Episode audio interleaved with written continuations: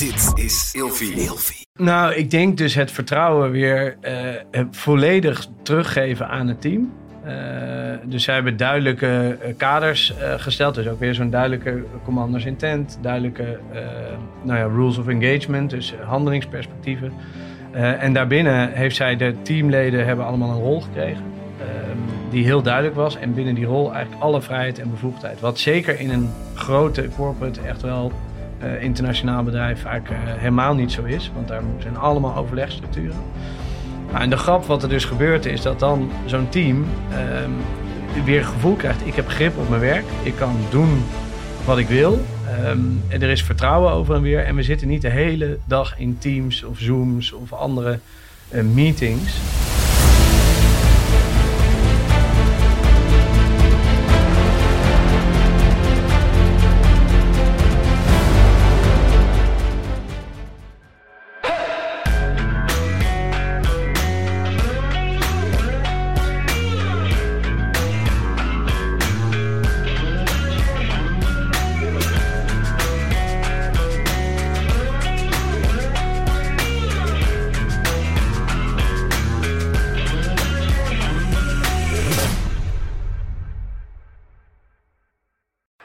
Welkom bij een nieuwe aflevering van Scherpschutters. Heel erg tof dat jullie weer kijken en luisteren. Tegenover mij zit uh, Richard en Daan. Heel erg uh, tof dat jullie zijn. Vandaag gaan wij in gesprek omdat jullie een mooi boek hebben geschreven. Uh, Richard, jij bent oud commando en Daan, jij bent ondernemer. Ja. Serie-ondernemer zelfs, volgens mij, of niet? Ja, ja. ik heb er een hobby van gemaakt. Ja. Ja, supermooi. Het boek hebben jullie misschien wel eens voorbij zien komen in de tijdlijn bij LinkedIn of uh, ergens in de boekwinkel, Greenon. En daarin ja, hebben jullie eigenlijk jullie krachten gebundeld. Uh, jij vanuit jouw wereld, vanaf ja, het Korps Commandotroepen en jouw ervaringen. En jij natuurlijk uh, ja, als ondernemer en binnen bedrijven. ja, hoe, hoe kun je nou eigenlijk de lessen die voor jou heel normaal zijn, implementeren in het bedrijfsleven? Ja. Zeg ik dat zo een beetje goed? Ja, absoluut. Huh? Het, uh, ik had hiervoor een bedrijf wat, uh, wat, wat vrij traditioneel was van opzet. Bijna 200 mensen en heel veel vergaderingen en managers en discussies over dingen die afleiden. En uh, toen we een nieuw bedrijf begonnen, wilden we het helemaal anders doen. En ja, toen kwamen we eigenlijk Richard en twee van zijn collega's tegen. En dat, daar sloeg een vonk over. Ja. Omschrijf het eens, de vonk. Wat, wat gebeurde er bij jou? Nou, het begon eerlijk gezegd wel ook een beetje met een persoonlijke fascinatie. Ik had, uh, wij waren op een verjaardag en uh, ik las privé altijd boeken over commando's. En ik vond het uh, hartstikke mooi. Daarom kijk ik ook altijd naar jouw podcast. Um, en op een gegeven moment kwam ik dus Thomas tegen, een van de jongens van, waarmee we het boek hebben geschreven. En wij raakten aan de praat en hij was commando. Dus dat, dat was in eerste instantie van wauw, weet je wat ik altijd lees. raakten wij in gesprek. En toen um, vertelde hij dat hij een bedrijf wilde beginnen om eigenlijk de principes die zij hadden uh, over te brengen naar het bedrijfsleven. Oh ja. Teams te trainen, leiderschapstrainingen. Um, nou, en toen stak ik mijn vinger op en zeg, nou, wij willen wel je eerste klant zijn. En zo is eigenlijk een beetje het ja, avontuur begonnen. En ja. zijn we steeds meer naar elkaar toegegroeid. Ja, cool. Want je, ja, je, er staat hier inderdaad, jullie zijn met z'n drieën. Er zijn drie ja. commando's die meegewerkt hebben aan het boek. En jij bent eigenlijk de enige die hier dan zonder bivakmuts Ja, uh, sinds twee weken met z'n tweeën. Frank, Frank van Assen, die hier nog als Frank uh, staat. Dit ja. is de eerste druk van het boek. Die is twee weken geleden is hier gestopt. Oh, dit, dit is, dit, hij heet eigenlijk Frank. Ja, hij heet Frank. Frank dus die mag nu ook met naam en toenaam mag die eindelijk in beeld komen. En dat, dat is ook wel nodig omdat we gewoon zo druk zijn. Dat we echt wel twee personen hebben om, om ja, alle wensen te faciliteren. Ja. En, en Thomas dan, uh, ja, dat is niet zijn echte naam, maar die werkt dus nog in Roosendaal. En die kan niet met zijn organieke naam uh, op het boek komen. Nee. Dus alle verhalen voor, voor, ja, die zijn soms een beetje lastig, want die zijn in, in deze tijd onder mijn naam geschreven, maar wel verhalen van ons alle drie. Oh ja. Maar dan onder de personage Richard. Ja, oké, okay, nice. Nee, want uh, volgens mij kunnen mensen jou ook nog kennen van Carvo Koonsbrug. Klopt dat? Ja, ik, ik, ik weet niet, uh, ik, ik, weet niet kennen, want uh, ik was daar in de hoedanigheid, ik was als reservist heb ik deelgenomen aan Kamp Koningsbrugge als instructeur. En we hebben toen met, met de drie instructeurs besloten, Patrick die, die hier ook werkt, uh, ook reservist. En de derde jongen, uh, Robin, die is ook nog actief. We uh, besloten van, nou dan doen we alle drie met een bivakmuts. En dan kunnen we daar ook het uiterlijk verschil maken met de instructeurs van Triangle Groep. Dat daar echt wel een splitsing tussen zit. Oh ja. Oké, Dus ja. het was wel een bewuste keuze. Maar dat zijn eh, allemaal dingen die wordt waarschijnlijk te kijken helemaal niet meekrijgen. Waar die achter de Nee. schermen allemaal eh, nee, spelen. allemaal andere belangen. Ja. nou, in ieder geval heel tof wat jullie zagen. Kijk, ehm, het, het principe natuurlijk vanuit het Special Forces. En er is natuurlijk altijd een aantrekkingskracht eh, naar, naar het bedrijfsleven. Ik denk dat daar al veel meegewerkt is en dat er veel mensen dingen mee hebben gedaan. Maar wat ik wel interessant vind, is dat jullie hebben het echt aangepakt en een soort van concreet gemaakt. En ik ben dan heel erg benieuwd naar hoe hebben jullie dat aangepakt en welke lessen hebben jullie dan meegenomen? En, eh, dus laten we daar het komende uur eens even over Ja. gaan filosoferen. Hoe, hoe ervaren jullie dat dan? En wat maak je mee in de praktijk? En hoe is dat in jouw bedrijf? En, en voordat we dat eh, daarin duiken, zou ik even heel kort. Normaal gaan we helemaal in van wie ben je, waar kom je vandaan. Maar misschien kun je heel kort jezelf voorstellen. Dus eh, wie ben jij, wat heb je meegemaakt en eh, waar kom je vandaan? Hoe ben je ondernemer geworden? En jij eh, vanuit eh, ja, je jeugd even kort de, de korte versie naar het korpscommando troepen. Nou, ik, eh, ik zal beginnen. Ja? Ehm, twee, eigenlijk vanaf mijn middelbare school gelijk ehm, al de ambitie gehad om, om naar Defensie te gaan. Nou, toen was ik nog veel te jong, 17 jaar. Naar de keuring gegaan in Amsterdam, afgekeurd. omdat ik nog niet volgroeid was. Dus ja, huilend in de trein naar huis, 17 jaar. Jaar later weer geprobeerd, weer afgekeurd. Want mijn hartfilmpje was niet goed. Dus weer in zak en as. Nou, gelukkig kon ik toen een maand later weer opnieuw het hartfilmpje doen. Wel goedgekeurd. Naar luchtmobiel gegaan. En eigenlijk eh, tijdens mijn eerste uitzending eh, Afghanistan eh, in contact gekomen met commando's. Want ik dacht in die tijd, commando's, grote jongens, Rambo's. eh, dat is niet voor mij weggelegd. Eh, Sterker nog, ik woon in Roosendaal. Ik zag die jongens, maar toch had ik dat stereotype beeld. En daar kwam ik die jongens tegen. En die waren eigenlijk heel sociaal, heel relaxed. Geen hiërarchie.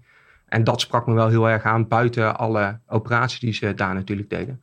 Ehm, dus gelijk na de uitzendingen aangemeld. eh, de opleiding gedaan. Bij een van de compie gekomen, de 105, de paracompie.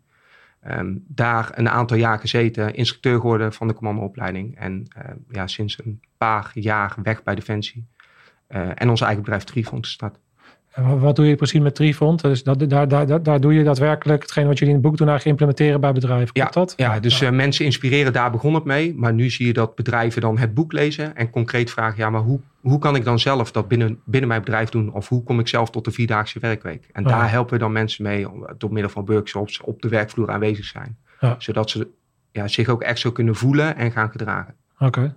Nou, daar ben ik benieuwd naar en hoe, hoe, je, hoe je dat ervaart en hoe je daarin eh, slaagt. Ja. Ehm, Daan, kan jij even kort voorstellen? Ja, ik heb een hele andere eh, start gehad. Ik wilde altijd... Maar, je- eh, maar jij, jij ziet er wel eh, aardig af, afgetraind uit trouwens. ja, dus als jij- ik hier een jaar geleden had gezeten, dan was ik nog, denk ik, zo'n 12 kilo zwaarder. Maar dat was een van de effecten van samen het boek schrijven. Oh echt? Ja, ja, Dat we ja. ook samen zijn gaan Die zijn trainen. echt fitter geworden door... Ja. nou, dat is, Ja, dus dat was wel dat was een mooie bijvangst, zullen we maar zeggen. Ja, ja. Ehm, nee, maar ik startte eigenlijk met een droom om dokter te worden.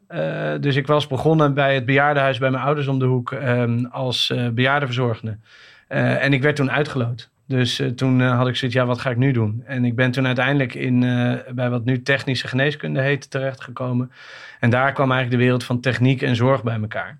Ehm, en in het bejaardenhuis had ik altijd gezien hoe mensen toch heel erg afhankelijk waren van, nou ja, van hulp, eh, niet meer zelfstandig konden leven. Dus toen had ik zoiets van, weet je wat, als je nou techniek gaat gebruiken om mensen zelfstandig te houden, ehm, dan eh, kunnen ze wat minder afhankelijk zijn en wat ja, meer plezier in hun leven houden. Dus dat is een beetje de rode draad geworden in wat ik ben gaan doen. Eerst mijn eerste bedrijf waar we slimme hulpmiddelen voor ouderen maakten om langer zelfstandig te blijven. En dat heb ik verkocht. Eh, en toen het bedrijf waar ik nu en waar we ook in het boek over vertellen eh, actief ben, is Lucie. En daar zijn we nu in zeven landen in Europa en in Afrika actief. Met een, een app voor ziekenhuizen om patiënten helemaal op afstand te begeleiden.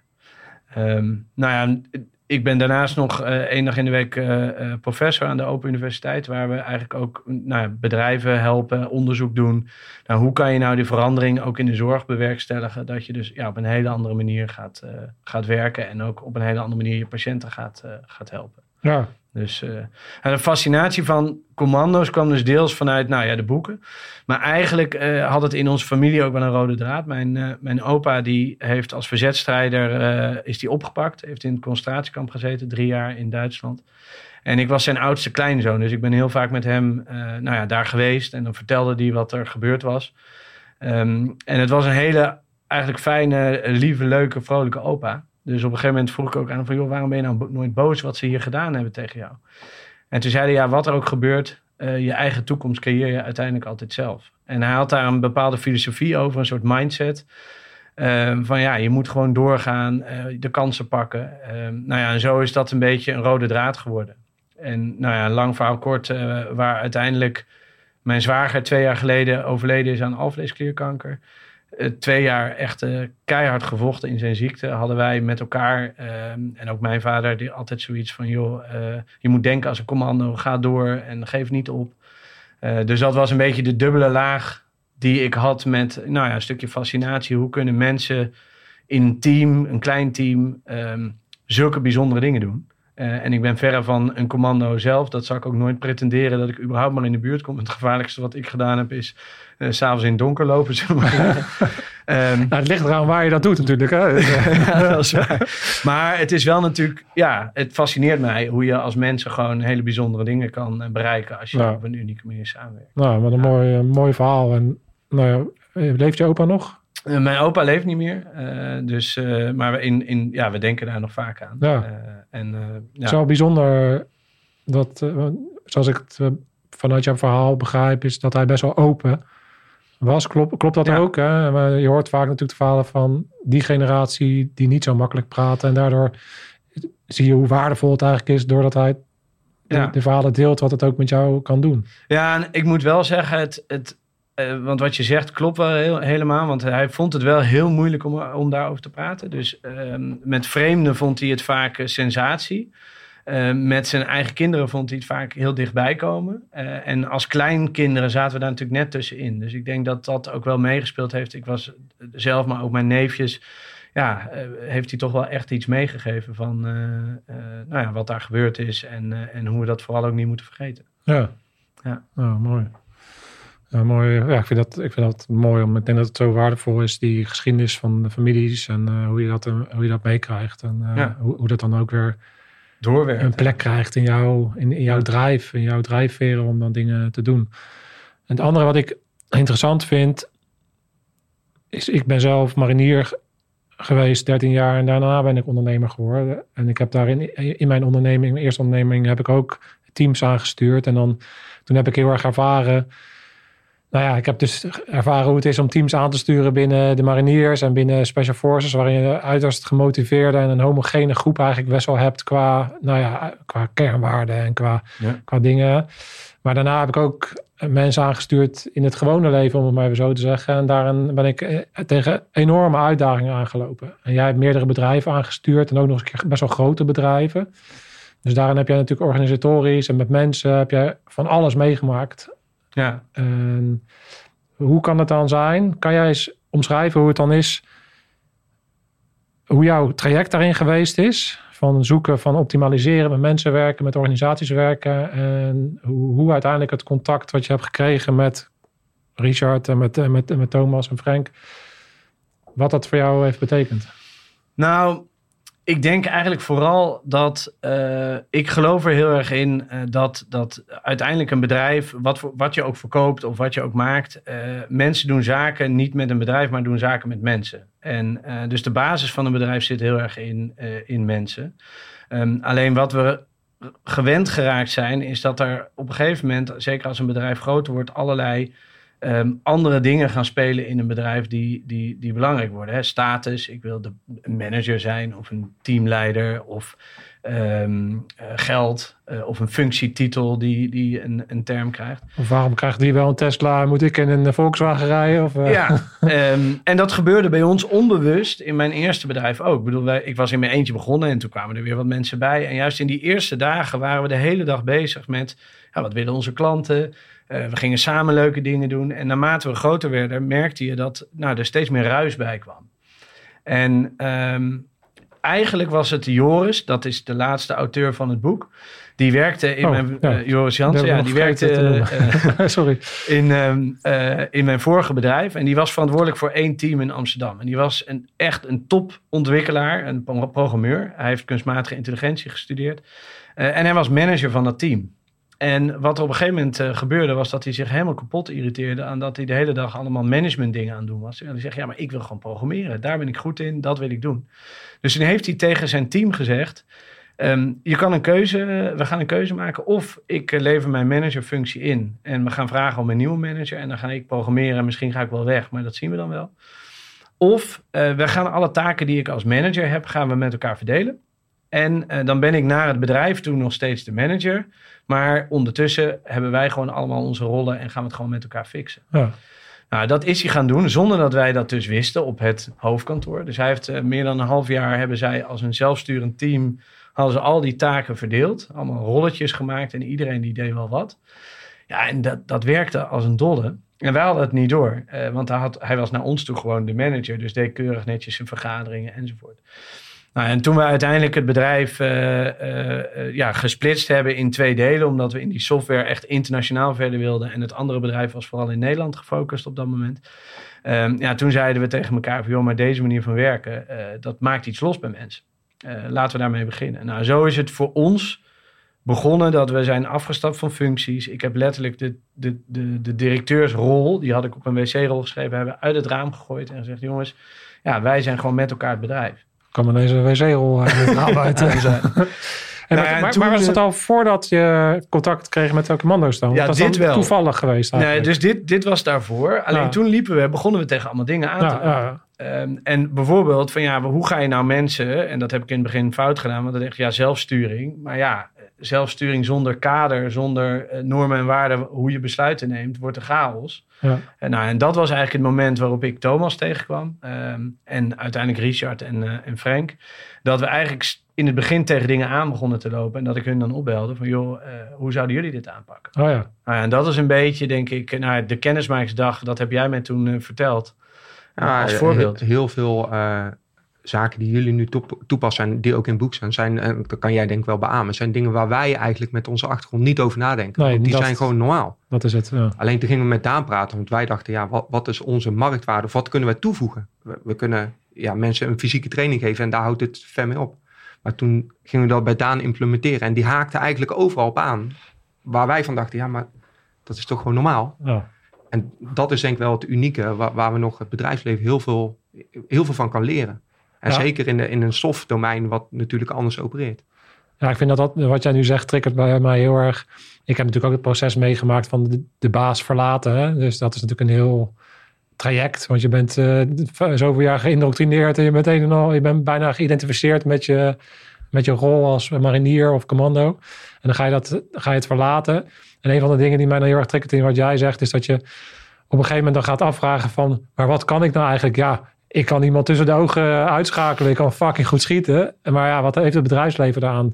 Maar als je dieper gaat graven, dan kom je natuurlijk een enorme schat aan allerlei zaken die zo normaal zijn geworden, omdat je zo erg bent opgegroeid in dat wereldje, waarop je denkt, ja, maar als je dat gaat, als je die kenmerken en die manier van aanpakken en die procedure bij wijze van spreken gaat vertalen, dan zit er natuurlijk is een soort van schat die je opentrekt aan, ja. aan, aan, waar, ja, waarheden of aan, aan, uh, aan waardevolle en, en elementen. moeten wij vaak als we gaan trainen voor een nieuw bedrijf, moeten we wel eerst het stereotype commando, special force operator, dat moeten we echt wel uitleggen van, ja, dat, dat bestaat niet, want iedereen denkt dat die Rambo aankomt. Nou, dan vaak om ik. Ik ben degene die er echt niet uitziet als een commando. Dan kijk ze eerst naar jou en denkt, hey, ben jij de commando? Daan, hij, heeft dikke armen. Ja, Daan komt, uh, Daan moet iets vertellen. Maar dan zie je wel dat je wel gelijk een, een barrière doorbreekt. Uh, en ja, dat het, dat het gaat om de omgangsvorm. In plaats van de proces zelf, de, de persoon die eronder zit. En dat de ja. titel van iemand helemaal niet relevant is. Als teamcommandant of ploegcommandant. Ja, want jij noemde het al, hetgeen wat je aansprak in Afghanistan toen je die commando's zag. Dat herken ik ook.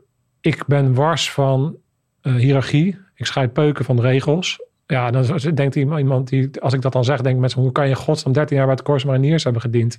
Ja, ik heb natuurlijk die, ik, voor mij, ik heb ook die Special Forces en die specialisatie steeds worden opgezocht. Want bij de Special Forces uh, verdwijnen die uh, ja, die, die uh, rangverschillen meer dan ja. bij de gewone infanterie. Ja. Zie je dat die, dat die, die hiërarchie en uh, ik ben de luitenant en zij dan veel groter is dan bij de Special Forces. Dat is een veel plattere organisatie. Ja, zeker tijdens opera. Kijk, in de vredesbedrijfsvoering natuurlijk, daar, daar heb je iemand die declaratie goed moet keuren. En, en ook in het, in het veld, ja. definitieve besluit komt wel van een, een commandant. Alleen in, in basis wordt er uitgaan van de rollen en specialismen van mensen.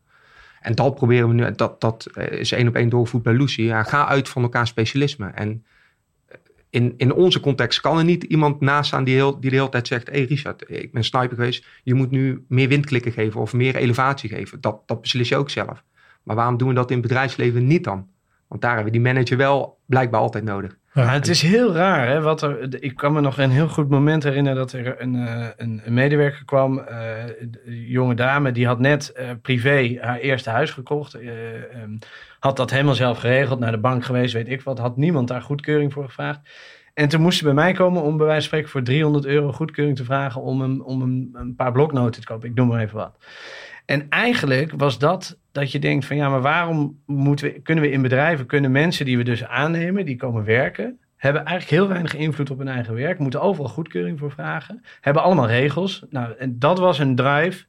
Laten we die dingen proberen eens allemaal eruit te slopen, want dan krijg je dus heel veel energie die je allemaal kan besteden aan het team, aan je eigen ontwikkeling. Uh, nou, bij ons zelfs aan een, uiteindelijk een vierdaagse werkweek uh, die we nu hebben. Dus ja, dat, dat was dus te grappig dat jij zegt van ik haat regels en uh, ik hou er niet van als mensen mij zeggen wat ik moet. Dat was ook wel een beetje bij ons bedrijf. Ja. Dat we die, nou ja, zeggenschap weer, weer terug willen geven aan de mensen. Ja, ja want ik, ik ben even op zoek naar wat jij vertelt, snap ik.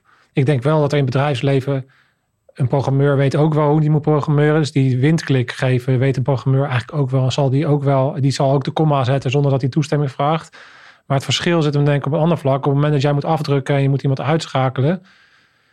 Dan kom je natuurlijk op een punt waarop je denkt: oké, kan ik dat binnen mijn rules of engagement? Ja, dus dan kom je meer op een soort commanders intent. Is dat dan datgene waar we het over hebben, of zit het anders? Nou ja, een van de voorbeelden is dus precies die commanders intent. Dat is vaak dus heel onduidelijk. En dan komen er in een bedrijf allemaal, uh, nou, als het helemaal ergens worden er allemaal consultants ingehuurd om dikke strategierapporten te schrijven enzovoort. Mm um, en vervolgens snapt eigenlijk niemand meer wat nou precies die commanders intent was, want die hadden we nooit helemaal duidelijk gemaakt.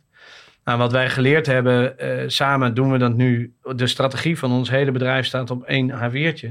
En die bestaat dus uit een commanders intent, heel duidelijk doel in ons geval, meetbaar. En een aantal handelingsperspectieven, rules of engagement, hoe verwachten we dat je omgaat in situaties.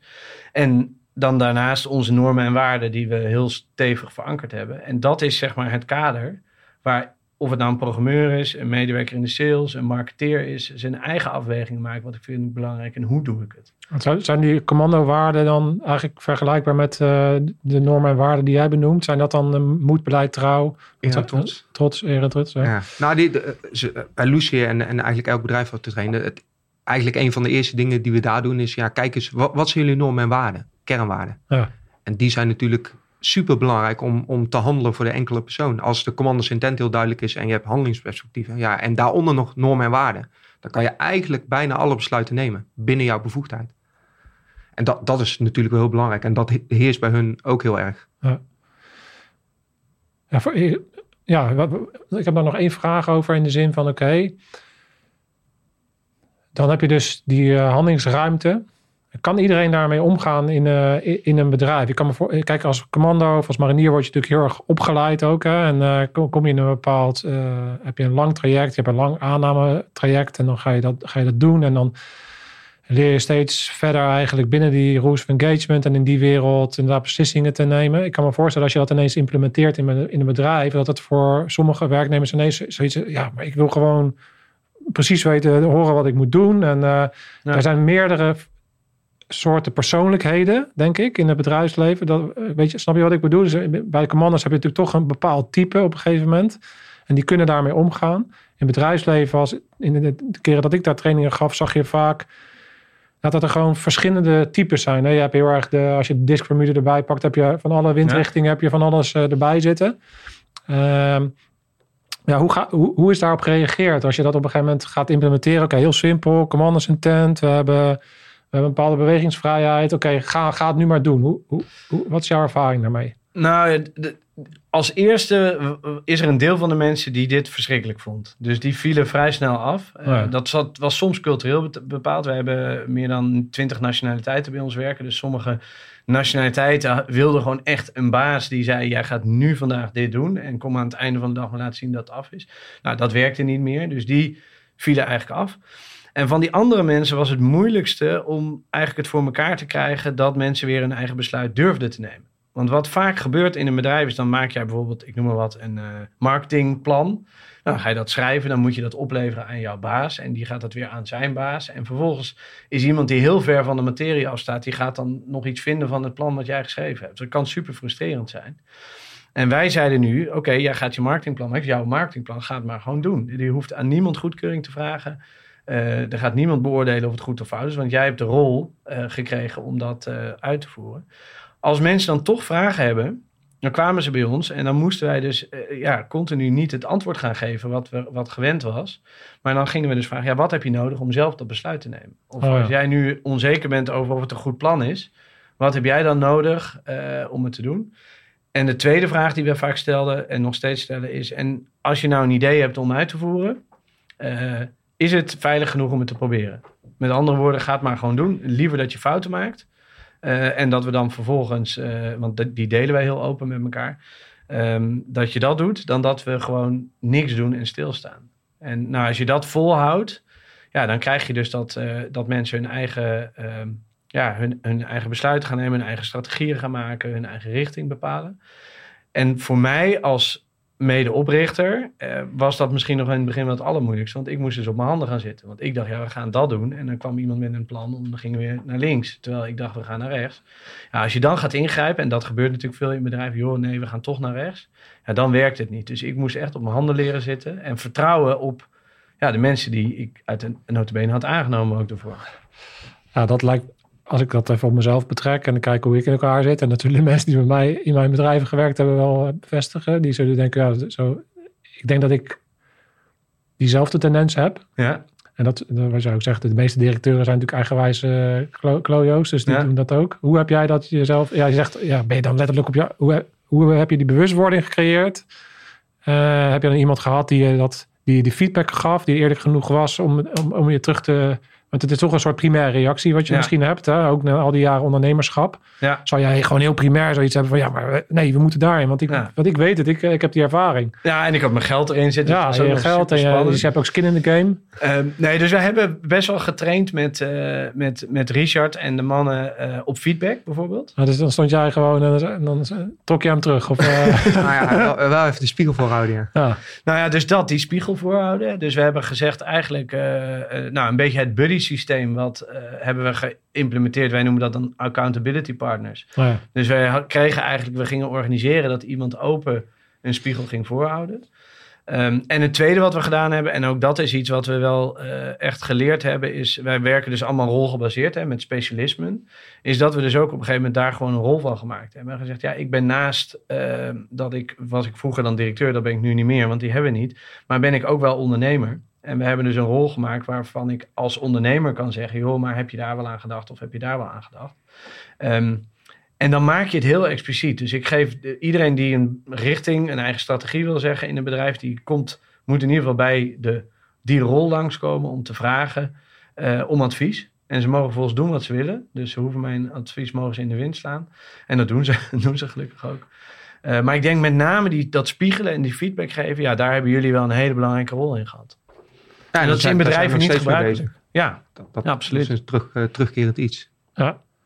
En hoe ga je ermee om als het dan vervolgens jij advies hebt gegeven, er wordt niet, niet op gehandeld en het gaat mis? Want dan kom je op het punt wat jullie ook benoemen, volgens mij is eh, iets over fouten maken. Hoe, hoe ga je daarmee om in het bedrijf? Of hoe, gaan we daar om, hoe gaan we daar met KST mee om, met fouten maken? Nou ja, die, die, moeten, die moeten besproken worden uiteindelijk. Hoe, hoe erg het het ook is uiteindelijk. Maar als we die fouten niet bespreekbaar durven maken, en dat is vaak wel de cultuur die in het bedrijfsleven heerst. En Nederland is over het algemeen best wel een direct land. Alleen in het bedrijfsleven is iedereen gesloten en durven het niet tegen elkaar te vertellen. Maar ja, als we dat niet doen, dan kunnen we ook nooit leren van de fouten. En dat is ook waarom eh, we bij Defensie een hot debrief houden of uh, lessons identified, lessons learned. En dat, dat doet gelukkig nu Daan ook. En door de cultuur die we daar uh, echt veranderd hebben, ja, durven, dat, durven zij dat ook tegen elkaar te zeggen op een prima manier, maar wel dat er van geleerd wordt en niet dat we een achterkamertjespolitiek krijgen. Kan, kan jij, ik heb al vaker in de podcast de systematiek van het debriefen besproken. Ik ben even benieuwd naar hoe kijk jij naar de systematiek uh, hot debrief, lessons identified, lessons learned binnen het KCT. Kan je daar eens wat meer over vertellen? Nou ja, ik denk sowieso dat het een, een essentieel onderdeel is van, van het traject waar je in zit. En een mooi voorbeeld als, eh, als we gaan oefenen voor een, een HRO, Host Release Operation. Daar komt natuurlijk altijd komt daar iets uit, omdat je, ja, kan je ook beamen met een treintje kort langs elkaar afschiet. Nou, de hot debrief is om die stoom af te blazen. Operationeel gezien om, om alle gevoelige informatie nog te delen met partnercounts uh, of partnereenheden. Maar de lessons identified die eruit komen en de lessons learned waar we iets mee gaan doen, ja, die zijn natuurlijk heel belangrijk. En dat wordt in het bedrijfsleven wordt dat eigenlijk niet gedaan. Er wordt wel onderkend dat de dingen niet goed zijn, maar daar wordt niet op gehandeld of die worden niet gelogd. Um, en dat is iets waar, ja, waar Lucy wel uh, nu mee bezig is, ook met de fuck-up of the month. Dat klinkt heel, heel kinderachtig, heel speels. Maar wat zij daarmee creëren is, elke maand kunnen ze of zichzelf of andere mensen nomineren voor de fuck-up of de mand, de grootste fuck-up. Uh, en daar wordt dan over gesproken. Uh, zij krijgen dan ook een, een button of een, of een avatar. Uh, maar je creëert wel heel veel psychologische veiligheid. En de lessons identified worden uiteindelijk wel lessons learned. Ja, ja.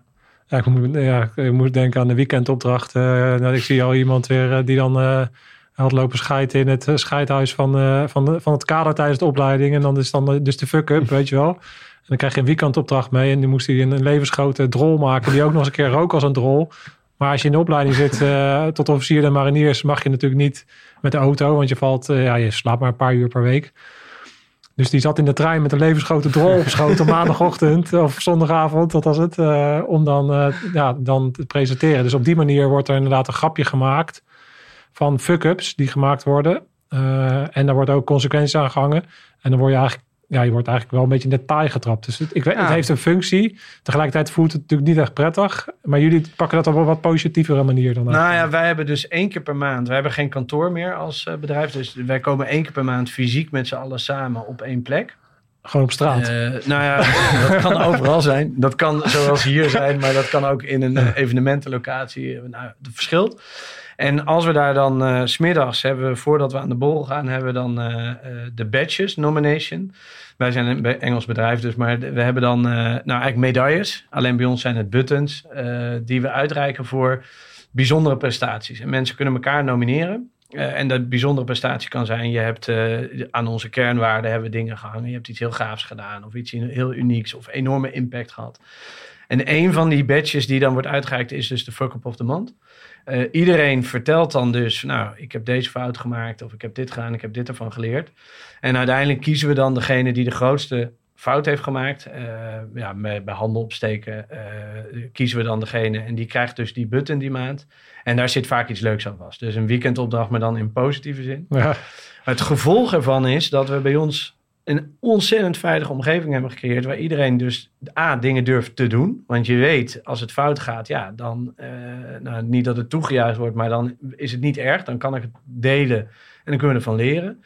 Nou ja, en het tweede is dat iedereen dus heel open nu ook bereid is om zijn fouten met elkaar te delen. En daar leren we dus met z'n allen weer van. Ja. En dat is, ik denk, in het misschien wel uh, wat ik het meest bijzondere vond om met, uh, met, met Richard, Thomas en Frank lange tijd op te trekken. En we gingen natuurlijk ook sporten samen en we werden echt, nou, daar ontstond echt een vriendschap, uh, zeg maar.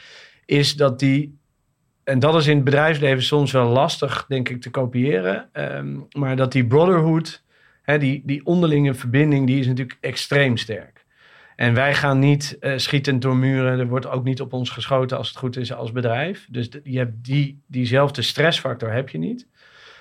Maar uh, als je wel een omgeving kan creëren waarbij het wel voelt als een familie, als een veilige familie in een bedrijf, uh, ja, dan is dat enorm veel winst. Want dan ben je af van politiek. Uh, je durft eerlijk dingen tegen elkaar te zeggen. Um, je durft ook discussies te hebben met elkaar. Nou, dat is gewoon fantastisch werken. Ja. ja.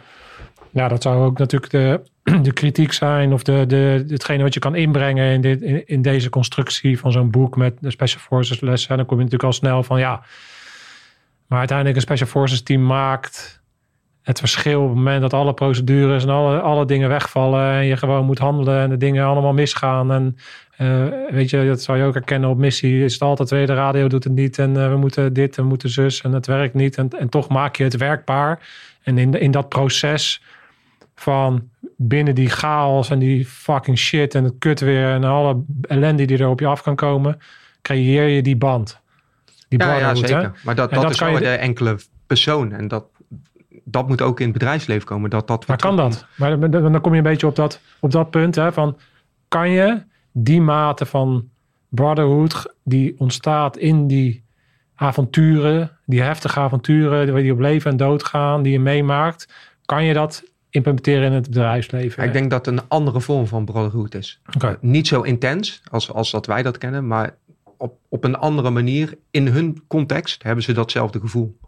Ja. Nou ja, wat, wat bij ons, en dat was ook wel een aanleiding om te zeggen: we gaan het, het, het boek maken, is eh, helemaal in het begin van de coronacrisis, eh 20 maart. eh, of 15 maart, toen werd ik gebeld eh, door het eh, OVG ziekenhuis, Maurice van der Bos, eh, in Amsterdam. En op dat moment was het echt blinde paniek. Dat was de tijd dat, die, dat we de lijkkisten in Bergamo zagen in Italië, dat corona net in Nederland kwam. Ehm, en in Amsterdam was op dat moment zo'n 3,5 uur wachttijd op de, eh, eerste, of, eh, op de huisartsposten. Mensen gingen als gevolg daarvan naar de eerste hulp. Die liep vol. En eigenlijk belde Maurice eh, en die zegt: joh, kunnen we niet iets doen met jullie app, jullie platform, ehm, om te voorkomen dat de zorg vastloopt? Want als het zo doorgaat, ja, dan kunnen we gewoon mensen niet meer helpen. Ja. Ehm, en toen hebben wij met eh, ons bedrijf samen met de OVG in vijf dagen eigenlijk voor corona een dienst neergezet. Met 50 artsen achter schermen. eh, met een app waar je eh, support kon krijgen, de OVG corona-app. Waar je ondersteuning kon krijgen op als je symptomen had. Je werd thuis begeleid, in quarantaine eventueel. En daar maakten een paar weken later 200.000 mensen gebruik van. Voor, totdat we gingen testen en steeds meer over corona wisten. Ehm, en in die periode werkten we echt samen met OVG 20 uur per dag. Ehm, en ik zal niet zeggen dat het in de buurt komt van, eh, van vuurcontact of iets van die aard. Maar dat was wel een hele intense periode dat je als team, we werkten in shift. eh, ja, we moesten gewoon continu doorwerken. Ehm, en ja, de paniek buiten werd steeds groter. Ehm, en dan denk ik dat je toch als bedrijf in ieder geval wel heel erg op elkaar leert vertrouwen. Ja, En dat is tot de basis voor die brotherhood, denk ik. want dat, ja, dat is wat ik bedoel van eh, in die zin van, kijk, want is het, is het, klopt het ook dat dat er iets is waar je het nog steeds over hebben Ja. met elkaar? Ja. dus, dus, zulke dus- dus- gezamenlijke delen. dat is natuurlijk hetgene, en dat is natuurlijk ook de tendens waarop je nu ziet dat allerlei bedrijven een soort kamp van Koningsbrugge-achtige belevingen gaan doen en, eh, en teambuilding op de hei gaan doen. Omdat ze eigenlijk een soort van die stress willen, soort van willen opzoeken om dat gevoel eigenlijk wat jullie daar dan uithalen. En dat gaat het inderdaad niet om of de kogels om je oren vliegen. Want ja, soms zijn de meest bizarre verhalen die ik te vertellen heb, zijn in oef- oefensituaties geweest. Of zo, dat je ergens in Schotland op een berg staat en loopt te kutten. En toch Ja. creëer je daar ook die brotherhood. Hè? Dus eh, het gaat er meer om van, oké, eh, waar zit het? Waar zit dat gevoel van brotherhood en, en hoe zoek je dat op? Dat Ja. zit hem dus in samen door moeilijke dingen heen gaan. Of door afwijkende dingen of door, eh, ja, door uitdagende dingen. En dat samen fixen. En daar ontstaat dan dat gevoel van brotherhood. Ja, en ik denk dat dit was natuurlijk een, een gebeurtenis die, nou ja, die, die had je niet kunnen voorspellen of kunnen creëren of wat dan ook. Nee. Maar wat we nu doen, ook met mensen die in die tijd er niet bij waren, die nu bij ons werken, is dat wij in, in principe die druk wel proberen te creëren. In, wij hebben dan zes weken cycli, waarin we in zes weken met elkaar ehm, letterlijk voor ons een missie uitvoeren. En dat kan zijn bepaalde klanten of een nieuw land eh, eh, lanceren of een nieuw product ontwikkelen. En wat je echt als groep doet. En na zes weken, dat plannen we. Na zes weken hebben we dan twee weken cool-down periode. Dan eh, kan iedereen ja, nog wat uh, corvée doen of dingen die er nog lagen of wat dan ook. En dan plannen we eigenlijk de volgende zes weken. En dat doen we in kleine teams. Dus teams van vier tot acht man. Over het algemeen werken gezamenlijk aan zo'n zesweekse opdracht. Uh, die delen we dan ook na zes weken met elkaar in een demo. Dus iedereen vertelt wat hij gedaan heeft, wat hij opgeleverd heeft. Ja, en dat zijn wel manieren waardoor je, nou misschien niet zo extreem, maar waardoor je wel een stukje van dat gevoel kan creëren. Oh ja, ja. ja gaaf. Gaaf. Ja, wat ik leuk vind aan het, uh, aan het boek is een bepaalde dynamiek natuurlijk hè, tussen de KZT'ers en uh, de ondernemers. Uh, want ja, is Joris dan nu ook ondernemer? Of ja, nog steeds? ja, wij samen ja, het bedrijf. Ja, dus, dus, dus, dan zeg ik dat goed. Is dat jullie natuurlijk de real-life ervaringen dan vervolgens combineren met van hey, dit heb ik toegepast en het komt een beetje hier aan, aan jouw ervaring in dit geval overheen.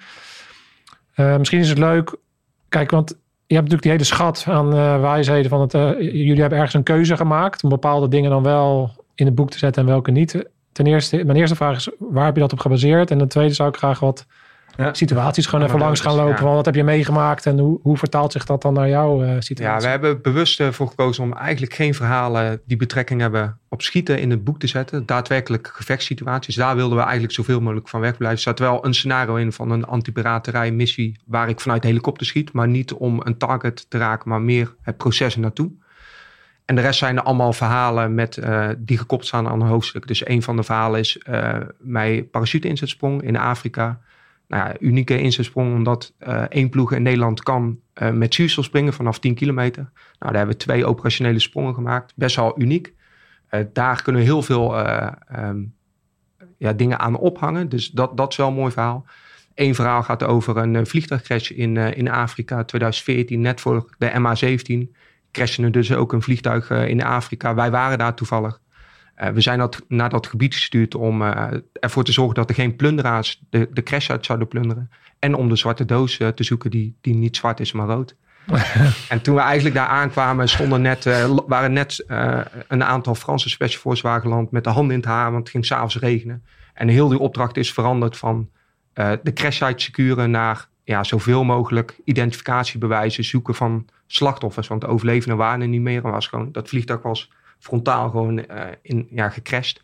Dus er was helemaal niets meer van over. Um, en uiteindelijk zijn we, gingen we erin voor 24 uur en zijn we er 72 uur gebleven. Waarbij uh, onze commandant, toen de kapitein, uh, besloten heeft om echt last minute. Want wij, wij vlogen daar met een Franse helikopter van, van de VN. En die kon s'avonds niet vliegen. Dus vandaar dat telkens, als het nacht werd, ja, dan moesten we dus nog een, een nacht daar blijven. Want we konden niet weg. Um, en op de, de, laatste dag, dus na 72 uur, kwam uh, een Franse eenheid die zou ons af gaan lossen. Maar die waren elkaar onderling uh, kwijtgeraakt. Dus uh, het eerste elementje kwam aan met de generaal en die zei tegen onze kapitein van... ja, heel leuk dat jullie weggaan, maar jij blijft gewoon. En dat is wel iets wat ons heel erg bijgebleven heeft. Dat, dat, onze NPO-commandant meervoudig ploegoptreden... dat die toen zei van... Ja, heel kort door de bocht, je komt wel uit generaal... maar mijn jongens zijn gewoon helemaal uitgeput. Ik blijf hier, samen met twee vrijwilligers... En de rest van van de 21 jongens die gaan nu met de helikopter weg. Want we hebben nog een time slot van drie minuten. En die heeft ons gewoon weggestuurd. En ja, voor ons wel een heel mooi sprekend voorbeeld. Als we het dan hebben over lead by example. Dat gewoon iemand zichzelf echt ondergeschikt maakt. Ondanks zijn eigen ellende aan, aan het groepsbelang. Dus dat, dat vind ik altijd wel een heel mooi uh, verhaal. Wat helemaal niet over schieten gaat. Maar wat wel heel veel impact heeft gehad. Omdat één, daar wij niet op getraind zijn.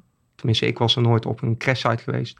Maar twee, alles wat daar toen gebeurd is, uh, zo, zowel emotioneel met mensen, maar ook uh, de groepsdynamiek en hoe doe je dat nou? Ja, daar, daar hangt dus het hoofdstuk aanpassingsvermogen aan vast. Ja.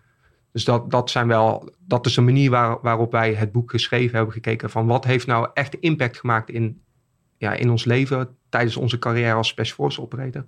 En wat kunnen wij daarmee doen in de vertaalslag naar het bedrijfsleven? Ja. ja. Ja, en hoe, hoe heb je dan de selectie gemaakt uiteindelijk? Want volgens mij staan er 13, 16, 16, 16 verhalen. Ja, ja 16 uh, greenons. greenons 16 dat, dat zijn de, ja. de, praktische tips, zeg maar, die uh, bijvoorbeeld, hè, eentje is de, de SLS-methode. Hoe kom je nou weer terug in je focus? Dat is dan bijvoorbeeld een uh, praktische tip. Mm -hmm. Maar ik denk, het aantal verhalen zijn er zeven of acht. Ja. Um, ja, we hebben gewoon gekeken wat, wat zijn voor ons sprekende verhalen die ons echt bijgebleven zijn en waar ja, die we kunnen gebruiken als kapstok. Ja.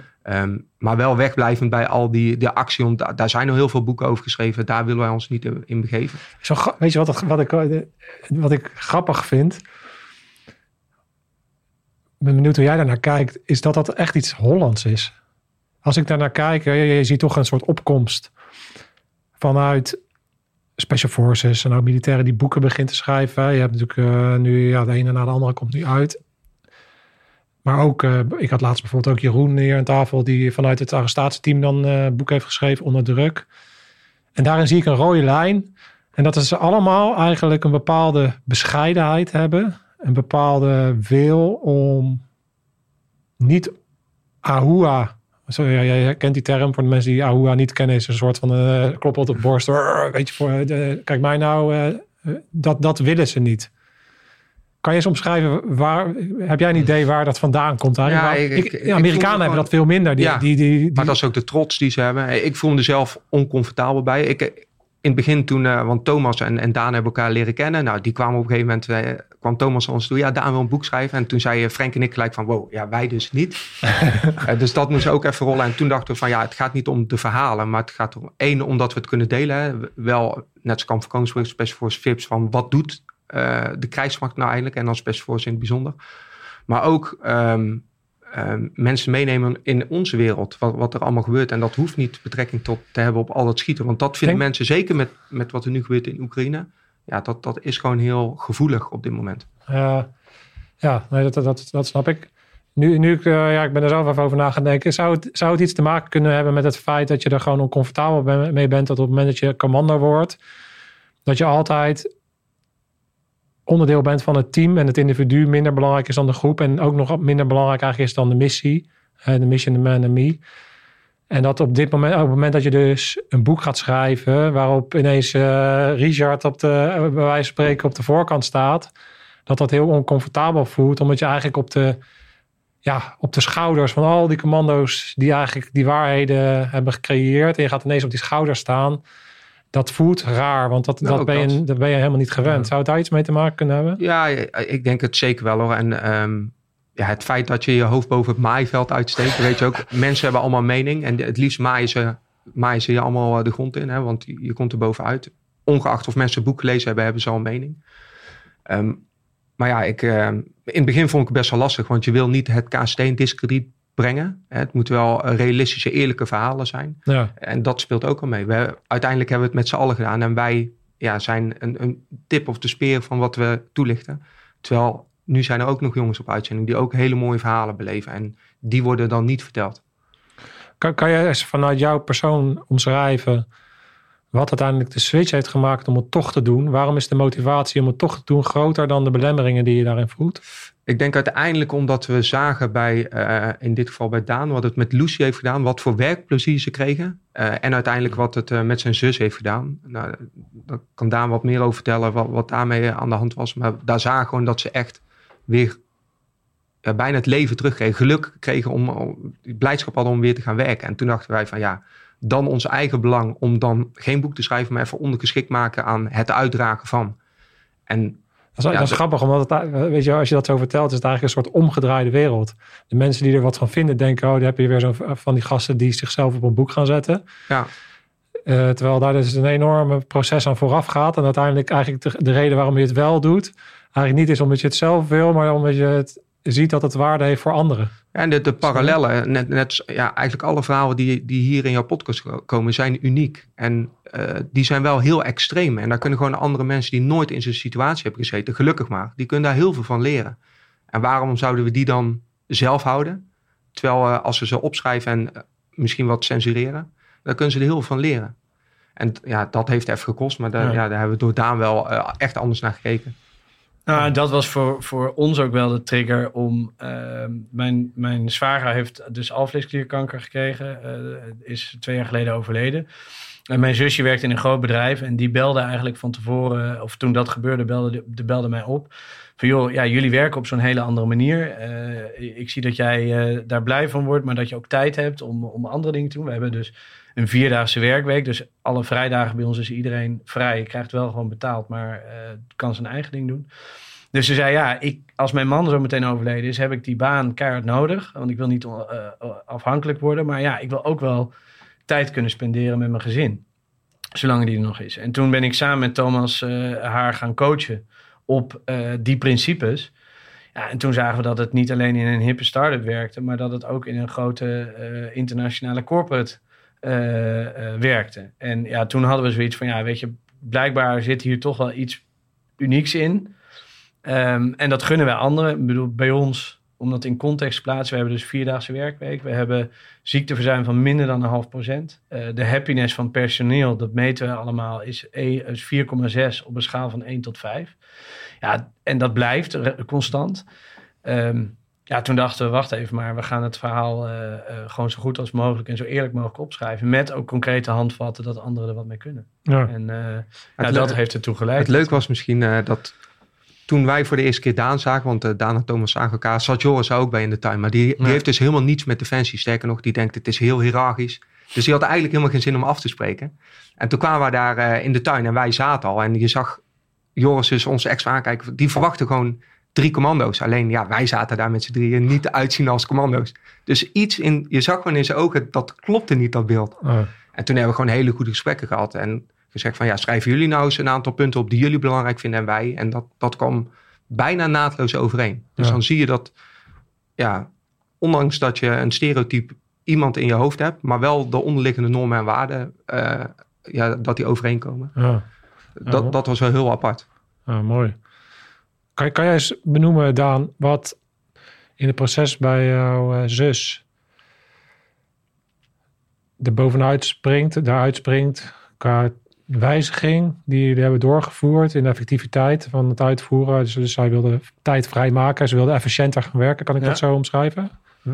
Wat, springt, wat sprong, er voor jou uit? Want dat, dat was echt doorslaggevend in de switch die ze toen gemaakt heeft in haar hoofd of in haar werkwijze. Nou, ik denk dus het vertrouwen weer eh, volledig teruggeven aan het team. Eh, dus zij hebben duidelijke eh, kaders eh, gesteld. Dus ook weer zo'n duidelijke commanders intent. Duidelijke eh, nou ja, rules of engagement. Dus eh, handelingsperspectieven. Eh, en daarbinnen heeft zij de teamleden hebben allemaal een rol gekregen. ehm, die heel duidelijk was. En binnen die rol eigenlijk alle vrijheid en bevoegdheid. Wat zeker in een grote corporate echt wel eh, internationaal bedrijf vaak eh, helemaal niet zo is. Want daar zijn allemaal overlegstructuren. Nou, en de grap wat er dus gebeurt is dat dan zo'n team ehm, weer gevoel krijgt... ik heb grip op mijn werk, ik kan doen wat ik wil. Ehm, en er is vertrouwen over en weer. En we zitten niet de hele dag in Teams of Zooms of andere eh, meetings. Ehm, dus het, wat er dan gebeurt is dat mensen meer lol krijgen... want ze hebben weer grip op wat ze doen. Het aantal vergaderingen gaat gewoon exponentieel naar beneden. Want die heb je niet meer nodig. Want ja, iedereen kan gewoon lekker aan de gang.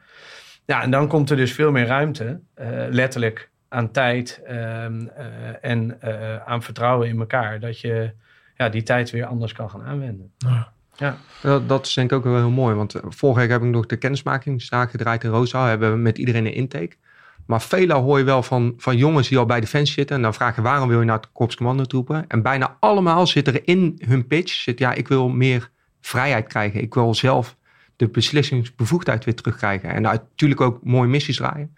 Maar daar draait het voor die jongens wel om. Ja. Niet dat er altijd een leidinggevende naast je hoeft te zijn. Gewoon dat je zelf kan floreren.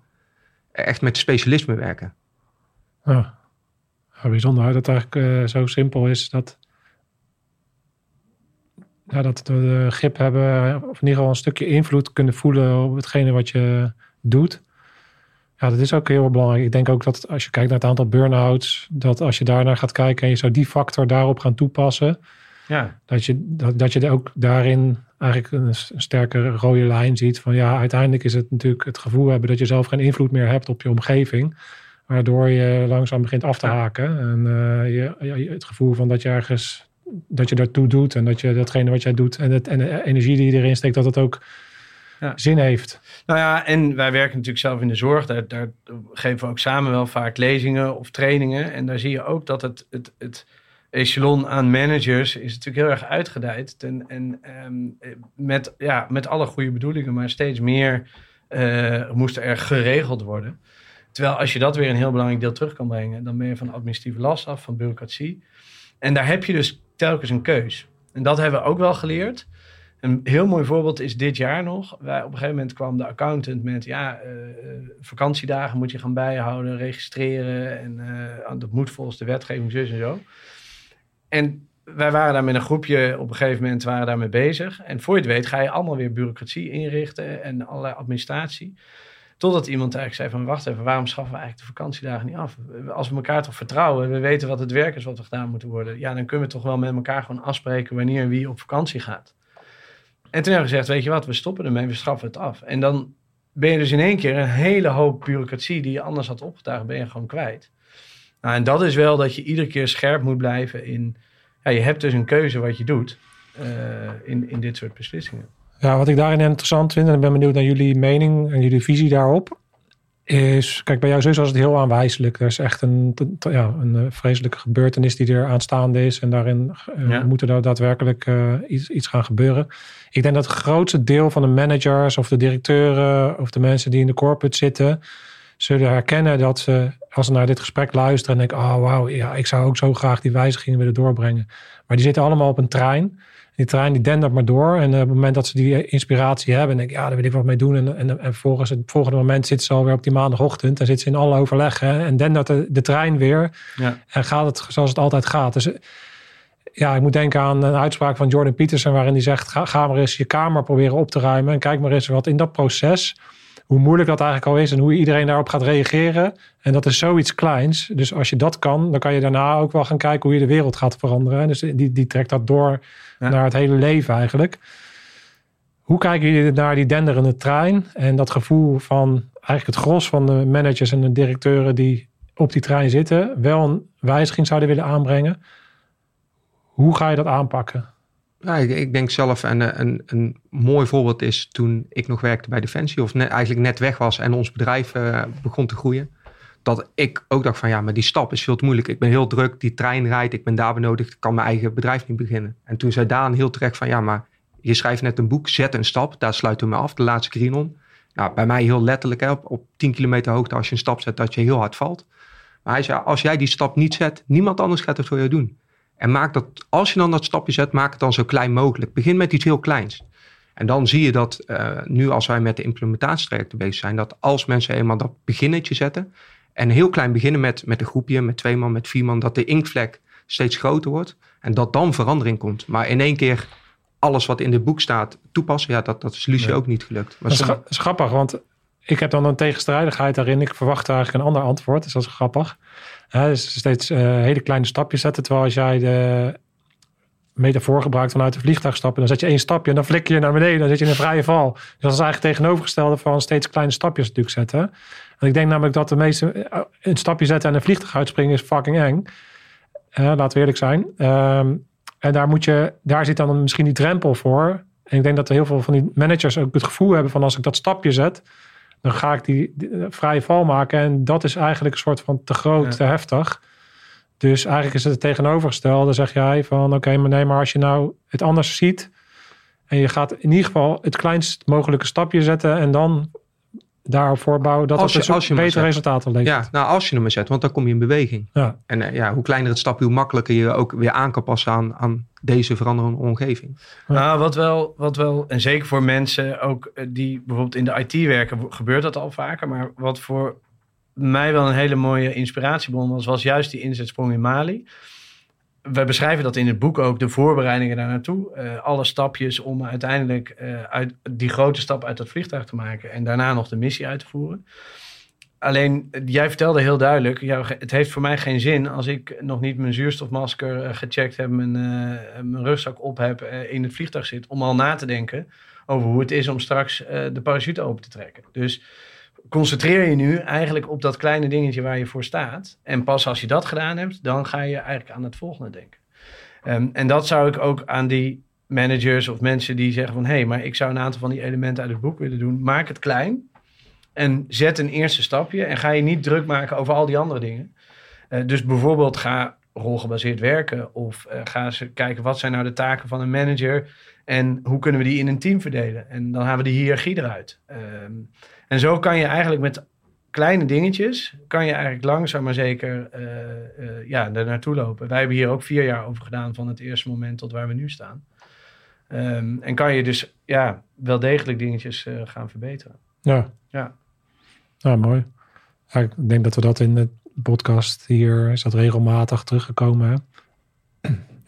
Als je kijkt naar de dingen in het leven die daadwerkelijk de moeite waard zijn dan zijn het altijd dingen die heel veel energie en tijd en toewijding en kracht kosten en uiteindelijk uh, niet morgen geregeld zijn. Hè? Dus het zijn trajecten die, die langer duren en waarop je inderdaad dat eerste stapje moet zetten, waarop je op je bek moet gaan en moet opstaan en weer moet door, doorgaan en weer een andere manier moet vinden. En uiteindelijk uh, kom je dan ergens waarop je denkt van ja, dit is echt de moeite waard hier. Uh, en, en het heeft ook met cultuur te maken. Hè? Want als je als manager in een cultuur zit waar je geen fouten durft te maken, ga je ook dat eerste stapje niet zetten, want je vult zelf al de uitkomst in. Hmm. Terwijl die uitkomst is er nog helemaal niet. Maar als je die psychologische veiligheid hebt, ja, dan durf je wel fouten te maken. En dan ben je ook eerder geneigd om dan dat stapje te zetten of verandering door te gaan voeren. wat, wat is het belangrijkste dan om, voor psychologische veiligheid? Heb je, heb je al, als je heel eerlijk bent, heb jij altijd psychologisch veilig gevoeld bij het KCT? Nee, nee niet, niet altijd. En, en, maar dat is ook een proces waar je, waar je altijd in, in, in, in zult blijven zitten, denk ik. Ehm, maar ik, ik, ik heb zeker mijn laatste jaren best wel eh, veel geleerd in Roosendaal. En dat ik voor mezelf heb gezegd van ja, als ik iets bespreekbaar wil maken, ongeacht de consequenties, dan ga ik het ook bespreekbaar maken. Ja. En dat, dat, is, uh, dat, dat vind ik heel belangrijk. En dat wil bedrijf ook, uh, wil ik ze nu ook meegeven. Van ja, maak het bespreekbaar. Ongeacht wat daar aan vast. En dat heeft natuurlijk allemaal met de omgangsvormen te maken. Ja. En nu denk ik, bij, dat kan denk ik jij wel beamen. Zeker met uh, als we een hot debrief weer als voorbeeld pakken. Ja, dat gaat gewoon keihard aan toe. En dat is niet omdat uh, ik jou bijvoorbeeld niet mag. Maar dat is wel omdat jij in jouw rol op dat moment een, een, besluit hebt genomen die niet goed was. Of waar we een discussie over moeten voeren. En ja, zo hard moeten we in het bedrijfsleven denk ik ook weer niet gaan, uh, gaan discussiëren of feedback gaan geven. Maar het moet wel verteld worden. Ja, ja, ik scheid altijd in, in de inhoud en de relatie. Hoe, hoe beter de relatie is, hoe harder je op de inhoud kan debrieven. En ik denk dat bij het KCT ook het belang van, van het, levensbelang, dat heb ik altijd heel erg ervaren als, ja, je kan nu wel op je teentjes getrapt zijn, maar zet je even over dat ego heen. Het gaat erom, oké, wat leren we hiervan? Want als we het nu niet leren, dan vallen we de volgende keer doden. En, en die dynamiek maakt natuurlijk dat je heel hard kan debrieven. ik ben het met je eens dat dat in het bedrijfsleven niet altijd... Uh, nee altijd zo hard nodig is. ik ben even benieuwd, een beetje richting, richting de afsluiting. Is natuurlijk, jij hebt heel veel geleerd. Jij bent fitter geworden. Je hebt, uh, je hebt uh, de, de, de, kennis en ervaring uit die mannen gehaald en geïmplementeerd. En wat is nou de les die jij het meest hebt geleerd van het bedrijfsleven? Nou, eigenlijk wel een hele belangrijke les. Dat, dat, en dan niet zozeer betrekking op mijzelf, maar dat mensen die een achtergrond hebben bij defensie, overheid of, of uh, een, een, een, dienende functie hebben gehad, dat die gewoon zoveel meerwaarde hebben uh, in de maatschappij, terwijl ze dat zelf niet weten. Nou, er zijn genoeg uh, job defense van, van Stefan Frans bijvoorbeeld, die mensen detacheert vanuit een, en volgens mij een oud marinier is dat ook. Maar daar, daar is zoveel toegevoegde waarde. En daar begon je mee. Hè? Ja, we kunnen heel goed mensen tussen de ogen schieten. Um, en dat is heel kortzichtig. Maar de karaktereigenschappen die we hebben, de normen en waarden, bij Defensie op tijd komen bijvoorbeeld, iets heel kleins. Maar dat zijn zaken waar ja, het bedrijfsleven heel veel van kan leren. Dat is wel iets wat, wat Daan ons, eh, mij als persoon in ieder geval heeft laten zien. Ja. Ja, ja, probeer hem eens, uh, dat vind ik mooi hoor, dat je dat, dat aangeeft, maar probeer hem eens uh, door te trekken nog eens. Uh, als ik je voor het blok zet, moet ik ook zeggen. Maar, nee, nee. maar ik bedoelde eigenlijk van, is er iets wat jij gezien hebt doordat jij weg bent gegaan en je bent nu meer in het bedrijfsleven bezig en je maakt daar mee, maar je maakt natuurlijk ook andere bedrijven mee waar je beter Is er nou iets wat jij daar ziet waarvan je denkt van, hé, hey, daar kan, kan het KZT echt nog wat van leren? Dus even omgedraaid. Ja, nou dat is wel lastig. dat is lastig, hè? nou, dat, dat zullen ook heel veel, veel zaken natuurlijk zijn. Nee, als je niet weet, maakt niet uit. Nee, maar ik moest ineens denken, van, ja, misschien is er wel iets van, uh, ja, wat is er nou in het bedrijfsleven waarvan je denkt... Maar, misschien, uh, dat is natuurlijk uh, best wel hard, maar behoud van personeel. Het waarderen van je personeel. Ja? Um, ja, heel, heel spijtig genoeg natuurlijk in Roosaal zitten ze met een vullingsprobleem. Mars of ook, eigenlijk alle speciale eenheden. En als ik kijk wat er, als we dan weer Lucie als voorbeeld nemen, wat die doen om personeel te behouden, zeker in de IT-wereld ja, waar gewoon heel weinig mensen zijn voor heel veel vacatures. Eigenlijk dezelfde Zelfde situatie, ja. Ja, maar zij doen er wel alles. Als je dan iemand hebt, want het werven is al moeilijk. En de operator kost ongeveer een miljoen om, uh, uh, om op te leiden. Maar na drie jaar zeggen we wel van ja, als je weg wil gaan, dan moet je het zeker doen. Ik ben zo die poort uitgelopen. Dus er is ja, niemand, niemand die, ja, super ja. zonde. Terwijl uh, ja, als je aan behoud doet, en of dat nou financieel is of arbeid. Dat, dat zegt misschien ook meer wat over mij hoor trouwens. Maar. Ook, maar daar, eh, ja, daar denk ik dat, eh, dat Defensie in het algemeen, maar eh, ook, ook ja, ook ja. het korpscommandtroep misschien wat van, van kan leren. Ja, behoud en maatwerk. Ik denk dat daar Defensie natuurlijk heel veel moeite mee heeft met, dat heb ik al vaker gezegd, maar echt, echt, als je echt praat over maatwerk, hè, want dat, dat is uiteindelijk denk ik toch wat mensen steeds meer nodig hebben. Uh, Ik denk dat Defensie er slecht in is om maatwerk te leveren en te kijken van oké, en dat vond ik ook wel interessant met die rollen, met die stickers, wat jij ook aan beschrijft in, in het boek. Is dat het ook kan veranderen. doordat je toch een soort raamwerk hebt met rangen, met standen en een soort, ja, zo'n zo soort, soort hiërarchiehuis. en, en dat is ook een huis waarin al het personeel moet passen. Ja, daarin als je met zo in, in een bedrijf kan je natuurlijk zeggen, ja, maar ik ben op een gegeven moment deze rol eh, een beetje zat. Dus ik wil eigenlijk wel meer van die rol. En dan, dan kan je Ja. wat meer je functie als het ware op die manier laten ontwikkelen. En echt voor iedereen een soort van stukje maatwerk leveren. Ik denk dat dat inderdaad een Ja, heel goed punt is. Het is eigenlijk best wel sneu natuurlijk. Als we kijken, volgens mij in Rooster zijn er niet heel veel operates meer. Onder de 100. Terwijl ze 200 plus eh, volgens mij FTE hebben. Ja, best wel schrijnend dat je nu gewoon bedrijven moet vragen om tender, of een tender uit moet schrijven. En moet vragen om instructiecapaciteit. Omdat je het zelf niet kan leveren. Omdat die jongens die er zijn, ja, die moeten operaties draaien. Ja, dat, dat is natuurlijk wel heel jammer. Dat, eh, en gelukkig hebben ze ook een reservistenschil die, die daarbij aan bij kan dragen. Niet iedereen vindt dat jammer trouwens, denk ik. Nee, dat, dat, dat, daar ben ik het mee eens. Maar dat, dat is, ik denk dat daar mensen ook heel veel geld mee verdienen. Eh, tuurlijk, maar ja, het principe is natuurlijk wel, eh, ja, wel, wel jammer dat dat op die manier moet. Je kan Ja. beter gewoon je eigen mensen behouden. Ehm, Ja, nee, 100%. Goeie. Hey, ehm, heb ik misschien iets gemist? Zijn er, zijn er dingen van eh, dat je denkt van in het gesprek is dat echt nog niet naar voren gekomen? En dat zou ik nog heel graag. Nee, ik denk dat, dat eigenlijk de meeste onderwerpen die, die we ook in het boek aanstippen, hebben we het wel over gehad. En, eh, maar wat ik wel als laatste in het kader van dat behoud, wij hebben er echt heel bewust voor gekozen, ook in onze eh, tien geboden die we hebben gemaakt van wat doen wij nou als Lucie voor de mensen die binnen Lucie werken, is, staat echt op nummer één van die dingen, staat dus eh, eh, well-being van, van de mensen die er binnen werken. En dat is wel de les die ik voor mezelf geleerd heb. Ik bedoel, je zit in een, een eh, ondernemerswereld. eh, het gaat maar door en eh, meer en het moet groter en groeien enzovoort. En toen mijn zwager overleed en helaas op dit moment is ook mijn vader ziek. Dus daar hebben we wat minder mazzel, zal ik maar even zeggen, met de dingen. Dan realiseer je op een gegeven moment, hé, waar gaat het nou over?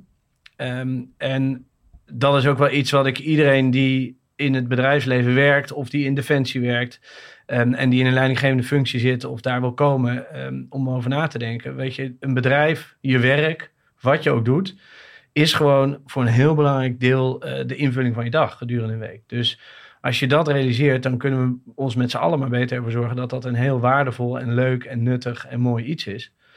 En de grap is, als je dat doet, dan komen dus ook al die andere dingen als groei en, en weet ik veel wat in de meeste gevallen er ook bij. Eh, en dat, eh, daarom vind ik het wel mooi dat jij dat net noemde. Want volgens mij is dat wel, eh, nou ja, dat wel de essentie van wat we uiteindelijk met dit boek ook willen bereiken. Ja, ja gaaf. Mooi, hè? heel erg bedankt voor jullie eh, bijdrage. Ook voor het schrijven van het boek. En ik vond het bijzonder om dan te horen. Een boek is maar een boek. En ik vind, eh, vond het hartstikke leuk om te lezen. Maar het komt toch tot leven. Omdat je dan ook de, de drijfveren erachter hoort. En de verhalen erachter hoort. Belangrijk eh, dingen die voor mij eruit sprongen. Is, is toch de, de inspirerende manier van ondernemen. En ook hoeveel mogelijkheden dat geeft. En wat je dan ook allemaal kan doen als ondernemer. Om daar Ja. ja, mee om te gaan en echt iets te creëren wat je, ehm, ja, wat je mooi vindt en wat, je, wat voor jou belangrijk is en hoe je dat dan implementeert binnen jouw bedrijven. En eh, dat dat als, dus soms betekent eigenlijk dat je je ego opzij zet en op je handen gaat zitten en dat dan ineens het bedrijf gaat eh, floreren. Dat zijn natuurlijk hele mooie dingen om te horen. Ook voor andere ondernemers die aan het begin staan of managers of directeuren die bepaalde veranderingen willen doorbrengen. Eh, ik vond het heel bijzonder om jouw verhalen te horen. En ook ja, waarin dan dus de vaardigheden en de normen en de waarden uiteindelijk de allerbelangrijkste dingen zijn die naar boven komen drijven op het moment dat je commando bent. Iedereen altijd denkt dat het gaat om het schieten en het uit, de vliegtuigen springen. Maar hetgene wat, naar boven, ja, wat er naar boven komt altijd weer zijn toch de mannen die op een bepaalde manier in het leven staan en de dingen doen en met elkaar doen en dat voor elkaar doen. En, ja, dat vond ik mooi om te horen. Dus dankjewel. Ja, graag gedaan. Jij ook bedankt dat we hier eh, mochten zijn. Absoluut, dankjewel. En Top. heel veel succes eh, nog met de podcast. Ja, dankjewel. Gaaf. Helemaal goed komen. Oké jongens, eh, Green On. Ga hem vooral bestellen. Implementeer de mooie lessen. En dan zien we jullie volgende keer met scherpschutters. Dankjewel, scherpschutters. Uit.